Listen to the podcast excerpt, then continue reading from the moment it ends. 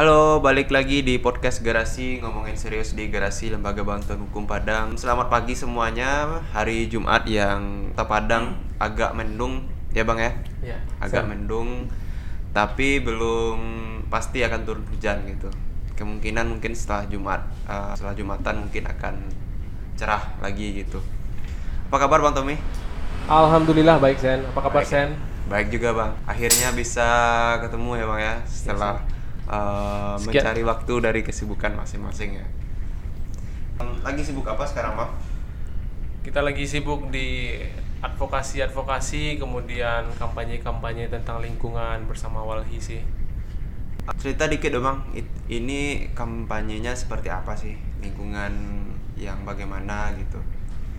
Em, sebenarnya ini udah berlangsung lama sih sebenarnya karena eh, kampanye ini memang terjadi karena persoalan lingkungan di antaranya.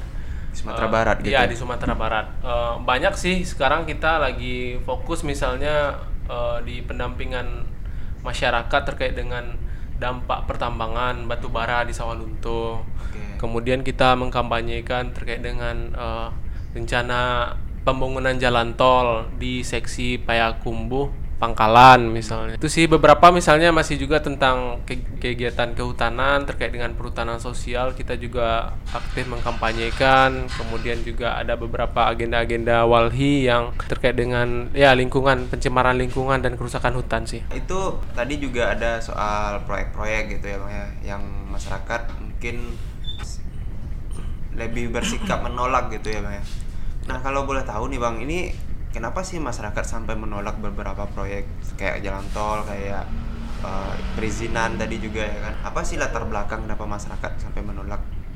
Em, sebenarnya gini Sen, jadi di awal itu memang rencana pembangunan jalan tol katakanlah kita membahas jalan tol ya. Rencana jalan tol yang ada di Sumatera Barat sekarang misalnya di awal itu, jadi memang tidak ada pelibatan masyarakat pendampingan waktu itu ke lapangan beberapa bulan yang lalu. Eh, tiba-tiba masyarakat ini terkejut. Hmm. Terkejut kenapa? Karena tiba-tiba pemerintah nagari, kemudian seluruh stakeholder yang ada di sana bilang kalau kita akan melakukan uh, pembangunan rencana jalan tol dan kebetulan itu di lahan-lahan masyarakat, di Oke.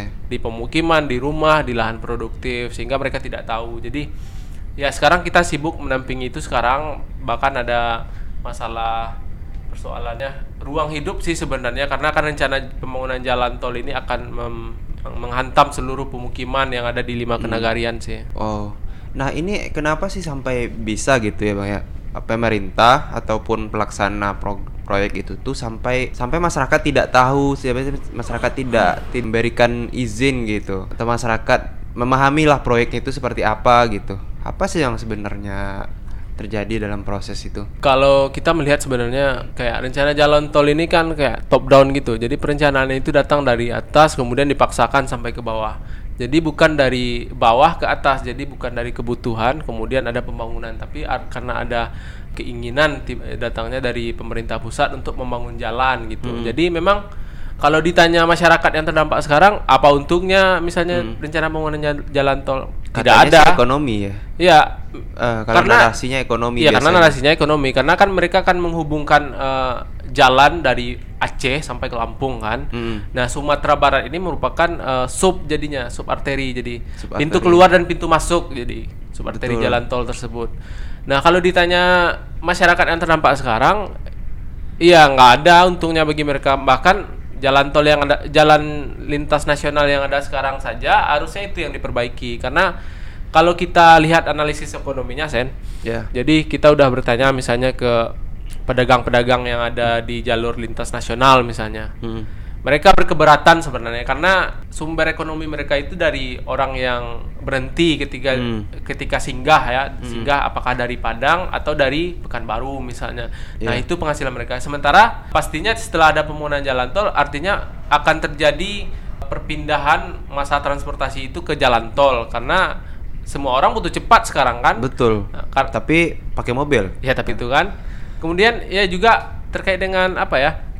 Di Sumatera Barat ini terkait kita bicara jalan tol, seksi 50 kota ini adalah ruas jalan yang paling banyak menghantam pemukiman Pemukiman ya. dan berarti. lahan produktif termasuk sawah. Nah, ini kan pemukiman sama lahan produktif. Solusi yang ditawarkan pemerintah apa sih, Bang? Maksudnya ini rumah orang bakal dipindahkan, terus oh, kalau soal lahan ini ap- apakah akan diberikan lahan untuk berkegiatan ekonomi juga atau gimana? Jadi gini Sen, kalau misalnya abang jawab sekarang, misalnya kayak informasi informasi kita memang menuntut itu adanya keterbukaan informasi lah dari pemerintah itu. Trasenya itu di mana sih? Kemudian di mana aja yang berdampak? Apakah ada alternatif alternatif trase? Iya. Sampai sekarang itu yang belum kita tahu. Kalau kit, kalau misalnya kita bisa jawab, sekarang itu misalnya waktu diskusi-diskusi yang kita bangun dengan masyarakat, pemerintah memindahkan ke Damas Raya. Kan itu kan pekerjaan yang tidak-tidak. Iya. Mereka di 50 kota kemudian dipindahkan ke Damas Raya yang kebudayaan pun Shock culture Iya, shock kan. culture kan, Iya. perbedaan kebudayaan, perbedaan mata pencarian nanti di sana. Itu yang terjadi di sekarang informasi. Tidak ada informasi pasti apakah bentuknya pemindahan, relokasi atau ada alternatif trase jalan misalnya kan. Iya. Baru-baru ini misalnya kita akses itu data misalnya dari itu pun karena DPR provinsi Komisi 4 bidang Iya. pembangunan yang memanggil pihak yang bersengketa masyarakat, walhi dan pihak eh, konsultan utama karya yang mengerjakan. Iya. Ya di saat itulah mereka mengeluarkan peta. Nah, kegiatan itu coba bayangkan, kita nggak tahu di mana akan dibangun eh, jalan. Bisa-bisa aja pagi-pagi bangun bulldozer udah di depan rumah gitu ya, Bang ya. Ya betul.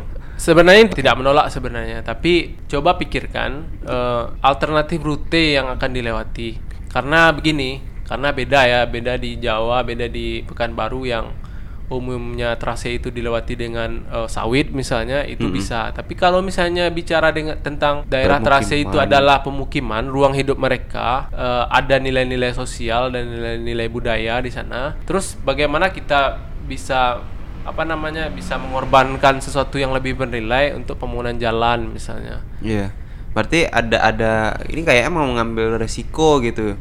Di di situ selain pemukiman juga lahan ekonomi itu apa sih Bang? Persawahan atau Kalau di di trase yang dilewati di 50 kota itu memang kebanyakan sawah. Kalau untuk yang di lima kenagarian di Kecamatan Payakumbuh ada sawah, ada ladang, ladang-ladang eh, ladang-ladang misalnya kayak ubi atau apa gitu ya. Oh, Kemudian kita melihat menilai eh, berarti mata pencarian utama. Iya gitu memang ya? mata pencarian utama kecuali daerah yang dilewati ini masyarakatnya dalam artian sudah mampu ya bukan mata pencarian itu sudah ada yang lain gitu tapi yang sekarang kan memang mata pencarian mereka itu yang akan digilas oleh rencana pembangunan jalan tol Iya. gitu Ini ini kayaknya di sisi lain kita jadi mikir kok pemerintah jahat akhirnya gitu ya Bang ya. iya kalau kita sih membangun sih kalau alternatif rute bisa di- bisa dicarikan misalnya dengan Tapi bisa dialihkan bisa kayaknya. dialihkan tapi de- tentu mereka bilang dengan konsekuensi budget yang lebih besar Iya. Nah, kita sebenarnya bisa membandingkan budget yang lebih besar ini lebih besar ini atau lebih besar nilai-nilai kebudayaan yang hilang dari kalau tetap dipaksakan dengan jalur yang ada di sekarang. Itu- Berarti sebenarnya harusnya wi- win-win solution yang harus dikejar bukan mengorbankan salah satu ya. Iya sih karena kalau kita mikir kita nggak juga menolak pembangunan. Ada pembangunan yang kita dukung misalnya di oleh pemerintah karena tidak semua pembangunan yang walhi nilai itu merusak. Tapi bicara tentang ruang hidup ada alternatif rute misalnya yang bisa dialihkan misalnya kan. Karena meskipun budgetnya lebih besar ya itu jadi tanggung jawab negara kan. Iya. karena kan meskipun demikian kan jalan tol ini kan hadir karena bisnis to bisnis nih karena Iya, kan profit betul. ini yang akan Iya. menghasilkan profit Usaha siapa yang akan uh, menjadi bagus karena ada akses jalan ini Iya gitu. betul. Jadi kalau orang dagang itu kan biasa saja kalau modal di awal besar kan. Iya. Nah, ini kan soal ruang hidup kemudian yang berdampak pada masyarakatnya juga gitu, Bang. Terus kalau dari sisi lingkungannya ini, sekarang kan juga Indonesia ini uh, sudah mulai ya mengarah ke energi terbarukan katanya. Beberapa mencoba alternatif lain, tapi cuman nggak semasif kayak kalau misalnya kita lihat di Vietnam mereka sudah tidak menggunakan energi ancang-ancang ya, tidak menggunakan energi batu bara untuk tenaga listriknya gitu. Nah, kalau Indonesia di posisi energi terbarukan ini seperti apa sih, Bang? Kalau di Indonesia sih, kalau Indonesia skala besar saya melihat belum ada sih kesungguh-sungguhan Indonesia untuk beralih ke energi baru terbarukan karena kalau kita lihat data sekarang PLTU PLTU juga akan bermunculan. Total berapa sih yang ada sekarang? Kalau di Sumatera Barat yang kita hitung itu yang PLTU itu ada di Sawalunto, yang di Sijantang satu, kemudian ada di PLTU Teluk Sirih satu juga. Hmm. Jadi ada dua di Sumatera Barat kalau kalau di perhitungan kami. Nah, namun di, meskipun dua, eh, dampak lingkungan yang ditimbulkan ini kan luar biasa karena pengerukan-pengerukan untuk batu bara ini, untuk suplai dari pembangkit ini kan dihasilkan dari daerah-daerah yang mempunyai potensi batu bara seperti Sawalunto. Kemudian akibatnya sekarang kita lihat saja di Sawalunto misalnya banyak daerah-daerah yang rusak lingkungannya bahkan kalau kita lihat beberapa waktu lalu itu kita sempat dapat dokumen ada salah satu perusahaan misalnya yang menambang itu bahkan sampai ke kawasan hutan. Wow. artinya ini sudah sampai apa ya? Sudah tam- sampai Tidak sesuai tahap- dengan ya, izin yang mereka miliki gitu ya. perizinan misalnya kan. Nah kemudian juga bicara tentang lingkungan sekarang kan. Nah ini menarik nih. Dampaknya gimana sih bang batu bara eh, pembangkit listrik dengan batu bara ini? Ya, kita misalnya bisa mulai sih di Sumatera Barat ini. Karena kita sering lupa sih kita menganggap daerah kita ini sama dengan daerah-daerah lain sehingga pembangunan yang kita genjot itu dengan memakai cara-cara yang sama. Saya contohkan misalnya di Sumatera Barat itu kalau dari segi topografi sebenarnya Sumatera Barat itu dibagi dua topografi. Ya. Kalau bicara tentang Tuandas, daerah aliran sungai, dari pertama itu kita ada aliran sungai yang mengalir ke eh, pantai barat Sumatera. Jadi di eh, Samudra Hindia, Hindia. ya. Hmm. Topografi dari apa daerah ini adalah berbukit terjal. Ya. Jadi kalau kita lihat misalnya salah satunya misalnya Daskuranji. Daskuranji itu kan berhulu di Bukit Barisan dan berakhir di pantai barat Sumatera misalnya kan Iya. di di Kota Padang. Nah, itu memiliki eh, topografi yang cukup terjal. Jadi Iya. sampai ke bawah itu jadi kalau kita bagi sebenarnya daerah aliran sungai itu kan daerah-daerah yang eh, sebuah kawasan yang dibatasi oleh punggung-punggung bukit di mana air yang jatuh itu eh, jatuh kemudian disimpan dan dialirkan ke daerah yang di bawahnya. Nah, dalam aturan itu sebenarnya kalau kita lihat di Sumatera Barat itu daerah kita itu bertopografi terjal dan curam. Aliran air itu sungguh sangat cepat, sangat cepat di beberapa tempat karena karena gradien kemiringannya sangat. Kalau ada hujan, Ya. air yang jatuh itu sungguh sangat cepat ya. Karena sehingga berpotensi eh, terjadi apa longsor Nah ini kan udah sampai ke banjir nih bang. Balik lagi ke soal batu bara sudah me proses pengambilan itu udah merusak di Sawalunto itu soal landscape-nya segala macam yang tadi abang bilang. Terus kemudian kalau dampak lingkungan lain dari PLTU-nya ini apa sih bang? di kawan-kawan yang sedang berkecimpung sekarang mendorong advokasi PLTU asap sih lebih kepada aspek lingkungan berupa udara ya Ya. karena eh, misalnya di beberapa waktu lalu PLTU itu mengeluarkan asap hitam misalnya kan Hmm. eh, fly ash yang kalau misalnya terhirup oleh anak-anak, terhirup oleh manusia itu dalam jangka waktu yang lama itu bisa merusak kesehatan apalagi paru-paru. Iya. Nah, kita melihat eh, batu bara di selain berdampak terhadap udara juga berdampak juga terhadap eh, aspek lingkungan lain. Hmm. Misalnya contohnya saja PLTU si Jantang itu kan dibangun di sekitar Sungai Ombilin kan, di Iya. aliran Sungai Ombilin. Kita lihat waktu itu kita waktu itu saya sempat mengambil beberapa foto udara dari atas menggunakan drone. Itu abunya itu memang ditumpuk di depan aja. Jadi ditumpuk di depan dengan eh, pengaman terpal dengan seadanya gitu. Oh ini kan bahaya artinya kalau terhirup orang yang lewat gitu. Nah, dalam aturan apa? Dalam aturan lingkungan itu, dokumen lingkungan, mereka seharusnya merujuk pada aturan yang berlaku sesuai dengan aturan dokumen apakah dokumen itu AMDAL atau UKL UPL yang Betul. yang di sana. Nah, fenomena ini bisa saja kita katakan mereka tidak lagi mengacu pada dokumen UKL UPL dan dokumen AMDAL-nya. Karena seharusnya dampak-dampak lingkungan yang dihasilkan dari kegiatan tersebut bisa diminimalisir dengan aturan-aturan pada dokumen Iya. AMDAL. Tapi dengan seperti ini ya banyak apa kerusakan lingkungan yang akan dihasilkan. Tapi pemer- pemerintah tahu kan ini apa yang dilakukan oleh PLTU tersebut kayak gitu. Sebenarnya pemerintah itu tahu sen, bahkan di dalam aturan perundang-undangan itu ada audit audit lingkungan namanya. Iya. Jadi apabila ada indikasi-indikasi sebuah perusahaan tidak menjalankan aturan lingkungan di dalam dokumennya, itu pemerintah itu bisa mengaudit lingkungan dan bahkan sanksinya itu bisa saja pembekuan izin atau kalau terbukti ada pelanggaran hukum bisa pidana bahkan. Oh, Tapi iya. kan yang ini yang belum apa kan di Sumatera Barat ini ini yang belum ditindak. Misalnya kayak ada perusahaan kemudian melakukan kegiatan di dalam kawasan hutan misalnya itu yang tidak dilakukan penindakan Iya. untuk menghasilkan efek jerah. Artinya ini ada ada upaya pembiaran gitu ya bang. ya? Iya. Nah, saya lihat juga di fotonya itu pemukiman masyarakat itu cukup dekat ke lokasi PLTU. Kok bisa kayak gitu, Bang?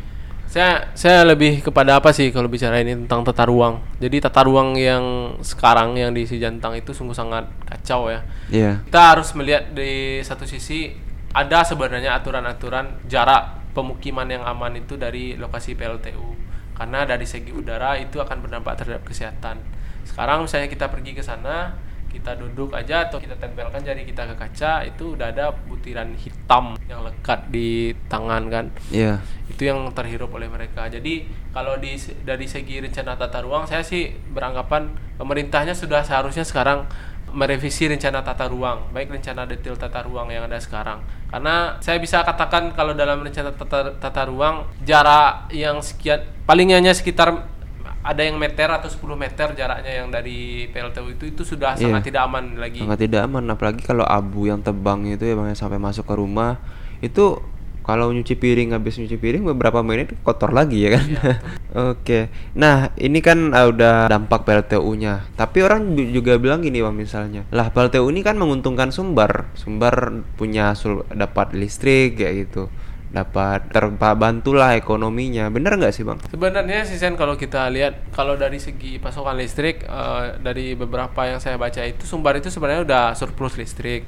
Oh, surplus ya? Sudah surplus Kelebihan ya? sebenarnya. ya. sudah kelebihan. Karena kan PLTU yang dihasilkan sekarang ini kan untuk memenuhi kebutuhan di luar provinsi kita kayak Riau ya, kayak Jambi dan Oh lain-lain. itu diperbolehkan bang, maksudnya sumbernya dari provinsi lain, tapi alirannya ke provinsi ini gitu. Kalau saya lihat itu sih apa ya kacamata bisnis ya bisnis yang dilakukan oleh PLN kemudian sehingga ada profit yang dihasilkan karena untuk kebutuhan dalam negeri saja untuk kebutuhan provinsi kita kita sudah surplus kita punya misalnya pembangkit listrik tenaga air di Danau Meninjau misalnya Iya. PLTA di Danau Meninjau itu kita punya tiga turbin yang aktif misalnya, Wow, tiga turbin. lumayan ya.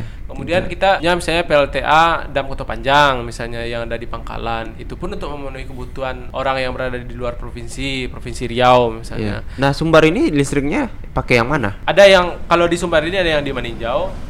Kemudian kebutuhan-kebutuhan lain itu kalau tidak salah di beberapa daerah itu yang di PLTU Teluk Siri itu juga untuk kebutuhan Sumbar sih kalau saya tidak Ah, salah. untuk kebutuhan sumber. Kemudian beberapa daerah yang yang nggak terisolir kayak di Solo Selatan yang masih apa yang jauh dari apa Pembangkit dari- ya? Iya dari pembangkit itu kawan-kawan itu menggunakan PLTMH misalnya pembangkit listrik tenaga mini hidro atau oh itu hidro. dibu- dibikin swadaya masyarakat Iya, atau itu memang di- pemerintah daerahnya? itu swadaya sih swadaya masyarakat Swadaya, wah. swadaya masyarakat Berarti pem- sebenarnya masyarakat ini sanggup memenuhi energinya gitu.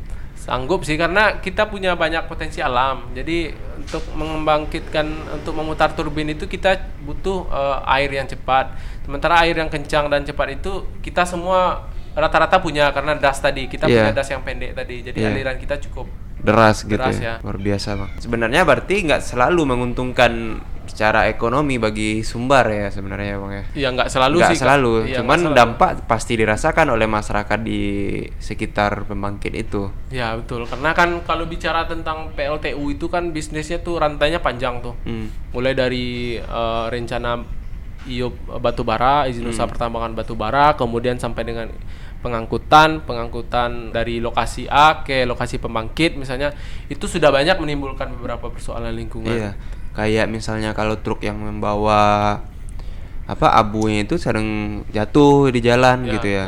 Itu juga akhirnya jalan jadi kotor, terus kemudian terhirup sama pengendara lain Ya gitu. betul betul sekali. Bahkan di tempat-tempat itu pun, misalnya tempat pengambilan batu bara pun kan banyak juga konflik sosial yang terjadi Iya. kan. Saya pernah dengar itu bahkan eh, kalau di daerah eh, ke Sawalunto itu tuh bahkan ibu-ibu di sana pun jadi penambang apa maksudnya dia milih batu bara yang jatuh di jalan itu gimana sih bang ceritanya? Iya, karena karena itu? ini karena sudah masifnya pertambangan di Sawalunto, Iya. kemudian membuat alih fungsi lahan sebenarnya. Oke. Masyarakat yang dulunya bisa ke hutan mengambil manfaat dari hasil hutan atau bisa ke ladang misalnya bisa ke ladang.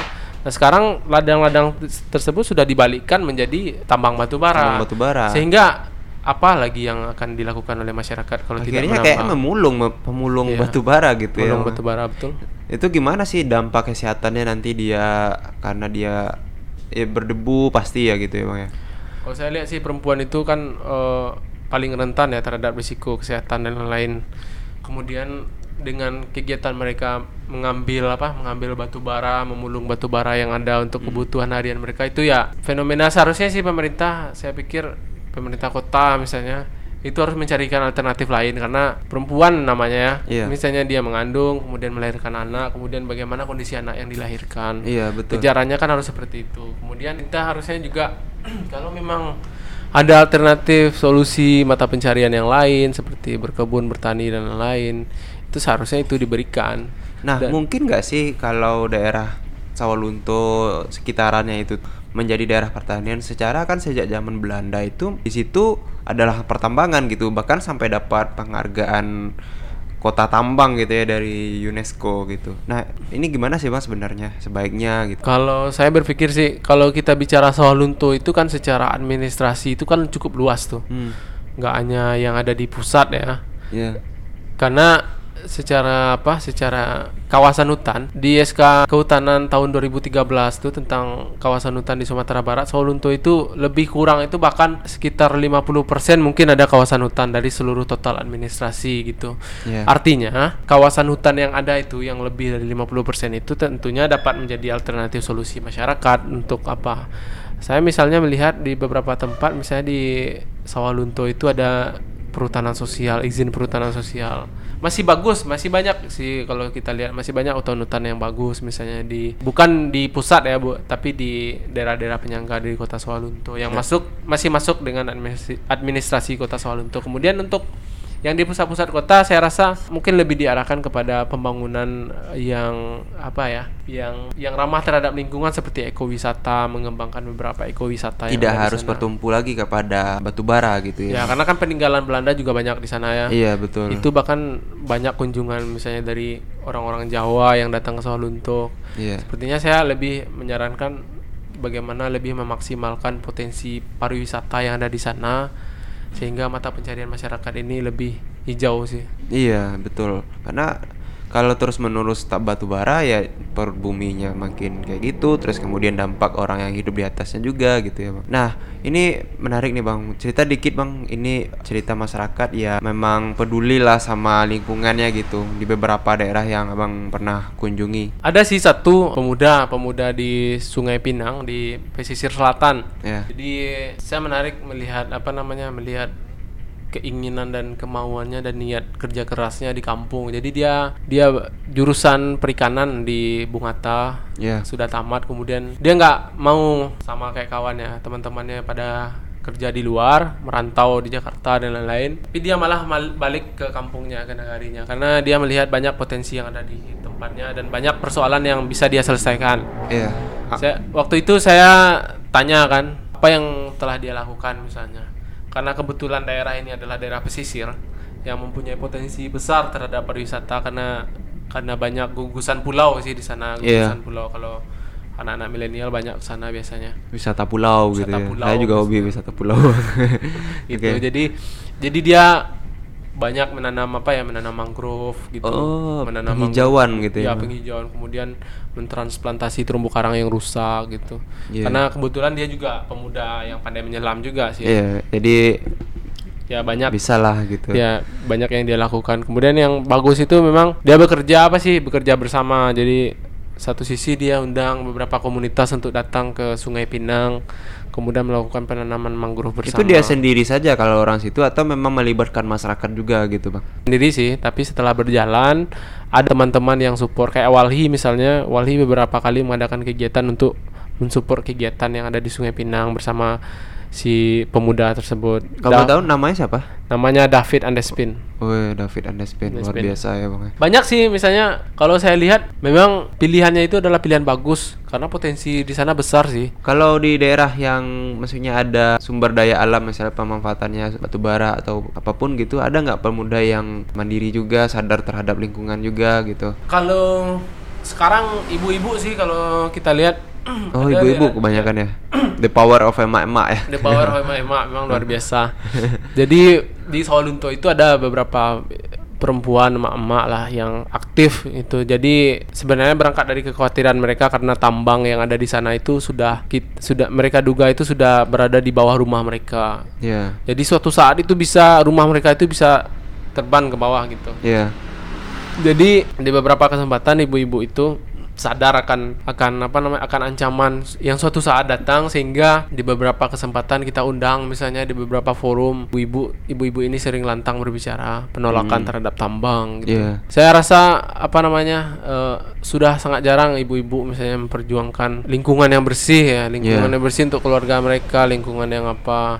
Di samping mereka juga punya tanggung jawab terhadap keluarga tapi kesadaran ekologis gitu. Iya kesadaran ekologis mereka itu memang patut diacungi jempol sih kalau saya lihat. Power of emak-emak ya bang ya. Ini sekarang Sumbar kan mau pilkada nih bang. Nah dari calon-calon yang ada ini atau sedang bertarung ini untuk keberpihakannya terhadap misalnya pembangunan yang tidak merampas ha, masyarakat kayak terjadi di tol itu atau lebih be- lebih apa lebih adil juga terhadap lingkungan gitu. Nah bang Tommy melihatnya seperti apa sih? Kalau saya mikir apa ya pemimpin yang hadir sekarang itu yang akan bertanding itu ya bisa dibilang nggak ada kepeduliannya terhadap lingkungan. Gak ada ya? nggak memang nggak ada saya bisa misalnya beberapa kali di mereka debat misalnya kan Iya. ada juga yang bilang misalnya akan melegalkan tambang-tambang ilegal misalnya yang Uh. berada di hulu-hulu das itu kan kayak mereka nggak punya apa punya ilmu tapi bicara tentang itu gitu kan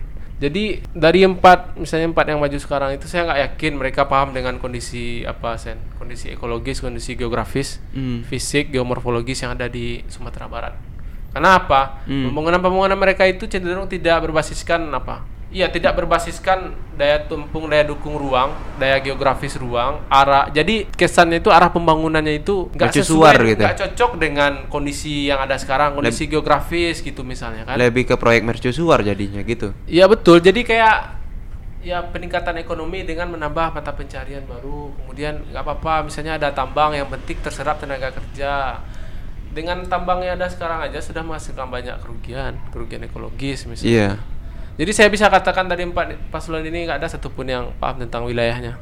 Nah, sebaiknya apa sih yang perlu di atau bisa dilakukan oleh rakyat Sumbar gitu agar ya Sumbar ke depan lebih baik gitu secara ekonomi, secara ekologis juga gitu. Saya rasa ini, Sen. Kalau kita tanya misalnya masyarakat di kampung-kampung itu, Bapak tahu nggak Pak arah perencanaan kampung kita itu? Coba tanyakan itu. Mungkin hanya sedikit yang bilang tahu. Iya. Karena misalnya kayak rencana tata ruang 5 tahun, 10 tahun, Bapak tahu nggak? Misalnya di Usen, misalnya kampungnya di Di Painan, di Bang. Painan. Ke mana arah perencanaan Painan itu 5 tahun atau 10 tahun ke depan? Hmm. Saya bisa tahu nggak ke mana? Nggak tahu, paling cuma meraba-raba kayaknya gini deh, kayaknya gitu deh Nah gitu. itu yang masih kurang. Perencanaan itu disusun secara sistematif, tapi disosialisasikan pun tidak. Misalnya. Iya. Kita nggak tahu. Padahal misalnya kita punya potensi alam, misalnya besar, misalnya potensi eh, ekologis, misalnya pariwisata. Tapi ujung-ujung nanti dijadikan tambang kan goblok. kan? Goblok. Goblok kan. itu memang saya lihat itu Sen di beberapa tempat di wilayah itu memang banyak yang kayak kayak gitu ya goblok kayak gitu. Misalnya wilayahnya bagus, potensi pariwisatanya besar, sungainya jernih, sungainya mempunyai kecepatan aliran yang bagus untuk PLTMH, tapi pembangunan nih kacau gitu. Jadi apa yang dibangun mereka ngambil kayu. Jadi memang nggak ada saya lihat itu pemimpin itu harus belajar lagi kayaknya Sen. Iya. Untuk lebih tidak hanya satu satu ha- hal saja yang difokuskan tetapi yang lain juga diperhitungkan juga dong gitu ya, Bang. Betul. Untuk jangka panjangnya seperti apa gitu. Tidak hanya bagi kekuasaannya eh, ya dia langgeng gitu. Dia dia dipercaya orang karena dia mampu memberikan lapangan kerja, tapi kan tidak hanya itu. Ada Betul. yang lebih besar yang harus difikirkan, harus diperencanakan gitu. Jadi saya lihat sekarang ini Sen. Jadi bagaimana sekarang ini berlomba-lomba mencari investasi di luar kan. Ya. investasi yang yang didapatkan ini misalnya setelah didapatkan yang akan dibangun ini proyek asal-asalan. Kenapa proyek asal-asalan? Nggak berbasiskan dengan eh, geografis wilayah, nggak berarti berbasiskan terhadap daya dukung, daya tampung. Iya. Pembangunan misalnya pembangunan pembangunan izin-izin baru misalnya skala besar. Yang jadi persoalan tuh gini Sen. Jadi kalau pemerintah itu bi- dia bisa eh, mengelola sumber daya alam skala secara besar ya, skala Iya, besar. Skala besar ya. Sehingga efek lingkungannya besar. Ya. Nah, kita bedakan dulu. Kalau masyarakat ngambil kayu di hutan satu dua itu untuk kebutuhan mereka. Dampak lingkungan yang dihasilkan tidak terlalu besar meskipun ada dampaknya. Yang jadi persoalan sekarang kan pengelolaan sumber daya alam ini skala besar sehingga menghasilkan dampak yang besar. Sehingga Nah. kalau kalau pengelolaan sumber daya alam ini sudah buruk di awal, Ya. Dampak lingkungannya juga buruk. Misalnya, contohnya misalnya tambang yang ada di tepi-tepi jurang, tepi-tepi eh, lahan-lahan tebing misalnya. Perbatasan antara Solo dan Solo Selatan itu kan ada tambang pasir misalnya. Itu Ya. kenapa sampai ada tambang di badan jalan di jalan nasional, kemudian Ya. di perbukitan. Itu artinya kan bisa merusak infrastruktur jalan-jalan juga nanti gitu. Betul. Jadi se- jadi ketika investasi itu sudah didapatkan untuk mengimplementasikannya itu program itu memang harus benar, jangan pro- program-program asal-asalan. Iya. Jadi jangan hanya ber- terpaut kepada PAD, PAD, PAD dan lain-lain kan. Itu sih saya lihat. Iya. Wah, arah juga ya, Bang ya. Nah, masyarakat Sumbar harusnya ngapain nih, Bang? Melihat fenomena ini gitu. Dan ini kan sudah ada pergantian kekuasaan juga. Kalau saya lihat sih masyarakat di Sumatera Barat itu kembali lagi. Mereka yang hidup di nagari-nagari, mereka yang hidup di kecamatan, kota dan lain-lain itu meskipun apa ya, meskipun ini akan, akan sangat berat, tapi mereka harus melek juga dengan lingkungannya. Karena bagaimanapun lingkungan itu pasti akan mempengaruhi daerah itu nanti ke- ketika ada investasi. Mintalah dokumen-dokumen rencana rencana-rencana yang ada di, di Oke, nagari. satu rencana- minta dokumen. Minta dokumen rencana nagari kemudian diskusikan minta pemerintah nagari mensosialisasikan apa rencana ke depan untuk pembangunan nagari ini karena mereka punya dana Iya, betul. karena dalam satu tahun itu pasti mereka melakukan sesuatu kegiatan Iya. entah Kalau itu enggak- pembangunan fisik entah itu pembangunan manusia Kalau enggak dananya harus balik lagi kalau, ya. kalau enggak dananya harus balik lagi sehingga di tahun-tahun itu pasti banyak nah kemudian saya lihat karena kita hidup di dalam satu landscape Iya. lihatlah lihatlah misalnya sungainya lihatlah misalnya eh, penggunaan lahan yang ada di sana. Jangan sampai proyek yang ada sekarang masyarakat yang akan menjadi imbas. Jadi cobalah masyarakat untuk lebih aware ya. Datanglah ke kantor-kantor wali nagari bersilaturahmi dengan wali nagari minta mereka mengeluarkan data minta mengeluarkan peta rencana nagari kita seperti apa sih pak? Gitu kan. Iya. sehingga mereka Nanti itu juga- memang sebenarnya masyarakat berhak untuk dapat Iya, karena itu, informasi ya, karena itu informasi publik. Iya. Karena masyarakat ya bisa jadi masyarakat nggak meminta atau pemerintah nagari lupa mensosialisasikan. Mintalah seperti itu karena kita sekarang sen hadapan sekarang itu tantangannya kalau saya lihat Iya. investasi itu akan semakin besar nanti datang ke Sumatera Barat. Kalau kita tidak siap menerima investasi itu, kalau kita tidak siap mengkonter, menyaring apa investasi yang masuk, hancurlah kita sebenarnya. Iya. Secara kan kalau Sumbar ini selain punya bentuk bentangan alam yang berbeda dengan daerah yang lain gitu, Hmm. kita juga punya kebudayaan yang juga berbeda gitu. Betul. Artinya kalau misalnya investasinya nggak sesuai sama kultur sama sama alam gitu, ini Konflik. menjadi hal yang buruk gitu ya. Iya betul, betul, betul, betul sekali. Karena di beberapa tempat itu kayak pembangunan misalnya pembangunan izin usaha pertambangan kayak di Simpang Tonang misalnya di Pasaman kan Iya. ada investasi masuk dari dari luar misalnya. Tapi karena apa nggak bagus ya karena daerah itu merupakan daerah aliran sungai yang bagus masih jernih. Sekarang misalnya akibat aktivitas itu lingkungan yang rusak. Bahkan misalnya ada yang dikriminalisasi, konflik-konflik sosial lah yang lahir. Saya rasa memang bagi kawan-kawan misalnya pendengar yang ada sekarang meskipun nanti kawan-kawan ini adalah milenial ya milenial atau kawan-kawan mahasiswa nanti yang mendengar cobalah mbak setidaknya kontak lagi apa kampung-kampung halaman sendiri desa-desa sendiri coba tanyakan bagaimana rencana pembangunan kita jangan sampai rencana pembangunan itu merusak itu saja Iya. karena karena kerusakan itu juga terjadi karena ada kesempatan merusak Iya. karena kita selaku masyarakat nggak mengawasi dan nggak meminta itu sih Betul. lihat. Artinya kalau sungai udah rusak nggak bisa lagi mandi-mandi di sungai gitu. Iya bang ya. Oke luar biasa kali bang. Ini eh, tergambar lah setidaknya soal lingkungan di Sumatera Barat dan masyarakatnya harus seperti apa. Oke terima kasih bang hari ini. sama-sama Luar Sen biasa hari Jumat yang semoga makin cerah sampai sore ya bang ya. Bisa Iya. lihat sunset di Kota Padang yang Iya. siap yang menghadap ke Samudra Hindia ini gitu. Terima kasih banyak bang Tommy. Sen. Teman-teman sampai jumpa lagi di podcast LBH selanjutnya. Dadah.